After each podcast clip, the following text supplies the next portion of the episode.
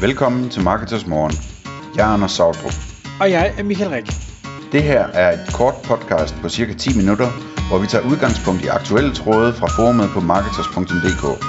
På den måde kan du følge, hvad der rører sig inden for affiliate marketing og dermed online marketing generelt. Godmorgen, Anders. Godmorgen, Michael. I dagens episode af Marketers Morgen, der skal vi i e-commerce verdens øh, tegn, eller hvad man skulle til at sige. Vi skal snakke omkring forskellen på kunder, henholdsvis kunder, der handler via en platform, og kunder, der handler via ens egen webshop. Og jeg ved, du har lavet dig, du har lavet dig inspirere til dagens emne fra øh, nogle af vores øh, gode venner. Ja, tak til Halvdan og Emil, øh, som, som for et stykke tid siden lavede en øh, podcast, hvor de talte om det her med øh, Øh, Facebook, som reagerer på presset fra Apple. Øh, nu bliver det sådan lidt en lang forhistorie, ikke? men Apple strammer til igen igen øh, i forhold til tracking, øh, og, øh, og blandt andet i forhold til det her med URL-parameter øh, baseret tracking, sådan helt kort fortalt. Og det betyder så, at Facebook endnu en gang bliver dårligere til at tracke konverteringer. Øhm, og Facebooks modtræk, det er så at skrue bissen på i forhold til at få øh, kunderne til at lave en Facebook shop, tror jeg det hedder.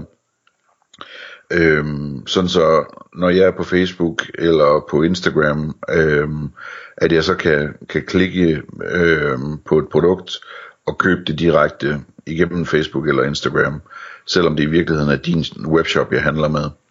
Så det er sådan noget marketplace-agtigt, noget ligesom fra Amazon, noget af den stil, ikke? Yes. Jeg går ud fra i praksis, at det fungerer ved, at hvis jeg har en Shopify eller en WooCommerce, at der så er en eller anden integration, som er formodentlig feed-baseret, og noget af den stil og en API, øh, som så gør, at, at øh, på magisk vis får jeg lige pludselig en, en shop over på Facebook, hvor alle mine produkter er vist, og, og hvor den kender leveringstiden og, og fragtprisen og så videre, ikke?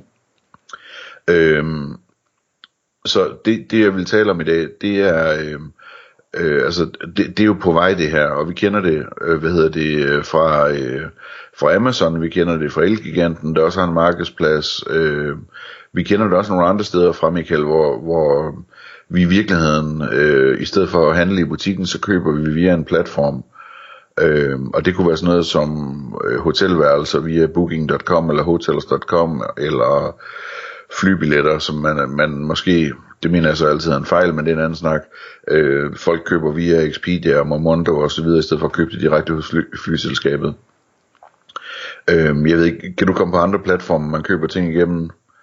Der er selvfølgelig True Story med oplevelser og sådan noget. Ja, nej, ikke lige på stående fod, men, men der, er, okay. der er masser af platforme derude. Ja, så hvor man i virkeligheden, altså, det, det, det er ligesom den vej, det går, ikke? Og, og, og der kommer jo, øh, der kommer mere og mere af det, øh, hvad hedder det, øh, de, de, Elon Musk vil gerne bygge det, den her The Everything app på øh, Twitter eller på x.com. Øh, TikTok bevæger sig i den retning, hørte jeg Halvdan sige, og Snapchat. Øh, og helt sikkert bliver det jo også sådan, at, at Google må bevæge sig i den retning, hvis ikke de kan track tingene ordentligt. Øhm, så Google Shopping, det, det bliver en shop øh, på et tidspunkt i bund og grund, ikke? Øhm, det der så, eller en interessant ting ved det her, det er jo, hvilke fordele og ulemper der er. Og, og der kan jeg lige starte med nogle fordele, og så kan jeg komme med en ulempe, som jeg ikke er sikker på, at alle tænker på, men som er sådan en fordel-ulempe tvækket svær. Øh, fordelene er jo, at øh, i bund og grund, at konverteringen går meget nemmere. Og det gør den, fordi at når jeg bruger Facebook Shopping, ligesom jeg plejer at bruge, og køber i din butik, øh, så er det nemt for mig at konvertere. Facebook har allerede mit, øh, øh, min leveringsadresse og mit kreditkort øh, øh, hvad hedder det, øhm, indtastet. Jeg har tillid til, at, at de leverer til tiden, når jeg kan regne med dem. Jeg har tillid til, at de reviews, der bliver vist fra shoppen og fra produktet, er nogen, jeg kan regne med. Øh, jeg kender UX'en, jeg ved, hvorhen jeg skal finde informationer om, om øh, fragt og levering og produktdetaljer og hvad ved, hvad ved jeg, det er nemt for mig at finde rundt. Øh, og, og, og det betyder så, at, at det er gnidningsfrit for mig at, at handle, og der har jeg lige sådan en underpointe, som er, at jeg tror ikke, at alle tænker så meget over det, men altså, det der med at handle på nettet, det, det, det tager pokkers lang tid. Det er virkelig generende, hvor lang tid det tager at købe ting på nettet, specielt hvis man, hvis man skal købe flere ting, ikke? Øhm, og så er det selvfølgelig rigtigt, at i gamle dage, der tog det længere tid, når man skulle køre rundt og, og stå og vente i butikker og så videre. Men, men, men det er sådan set lige meget, fordi nu er det på nettet, vi handler, det er det, vi er vant til. Og der er det bare fedt, at man kan bestille fem ting hurtigt, og så, øh, og så øh, klik, klik, og så er det bestilt, og så skal man ikke tænke mere på det. Fordi man, ellers kan man godt bruge et par timer på at finde forskellige webshops og få indtastet ting og få bekræftet sin brugeroprettelse med et nyhedsbrev og alt muligt mærkeligt, ikke? Øhm, så, så der er den der tidsbesparelse i det også, som gør, at det er attraktivt for kunderne. Og specielt hvis de er ved at købe nogle forskellige ting ind. I forhold til, til det her tvækkede svær, nu kommer det, det rigtig spændende. Det er, at hvis du har en webshop, Michael, hvor du øh, sælger, hvad hedder det, sokker, og jeg går ind og køber et par sorte sokker hos dig, øh, for første gang, så er jeg jo din, din lille ubetydelige nye kunde, og når jeg så kontakter dig om, at øh, de var for små eller for store eller et eller andet, og du siger, jamen, så må du sende dem tilbage, og, og så siger jeg, det gider jeg simpelthen ikke, kan du ikke bare sende mig et par nye øh, eller et eller andet, øh, så er du bare så, nej, whatever, det, det kan du glemme, Øhm, du er betydelig som kunde, ikke? Men når, øh, når øh, jeg handler via Facebook, og jeg er vant til at handle via Facebook, og jeg handler for tusindvis af kroner via Facebook hver måned, eller hvad ved jeg, og jeg så kommer ind i din lille butik og køber et lille par sokker, eller et par, ja, for små sokker, øh, hvad hedder det, øh, og, og jeg så henvender mig omkring et eller andet, der, der ikke er i orden, eller jeg vil have anderledes, eller måske er det endda sådan i en gråzone, hvor, hvor du kan vælge mellem at følge reglerne, eller at give mig en lille smule ekstra kundeservice, øh, jamen så står tingene helt anderledes. Fordi nu er jeg storkunde, og, og du er måske endda bare en lille shop hos Facebook, øh, Facebook.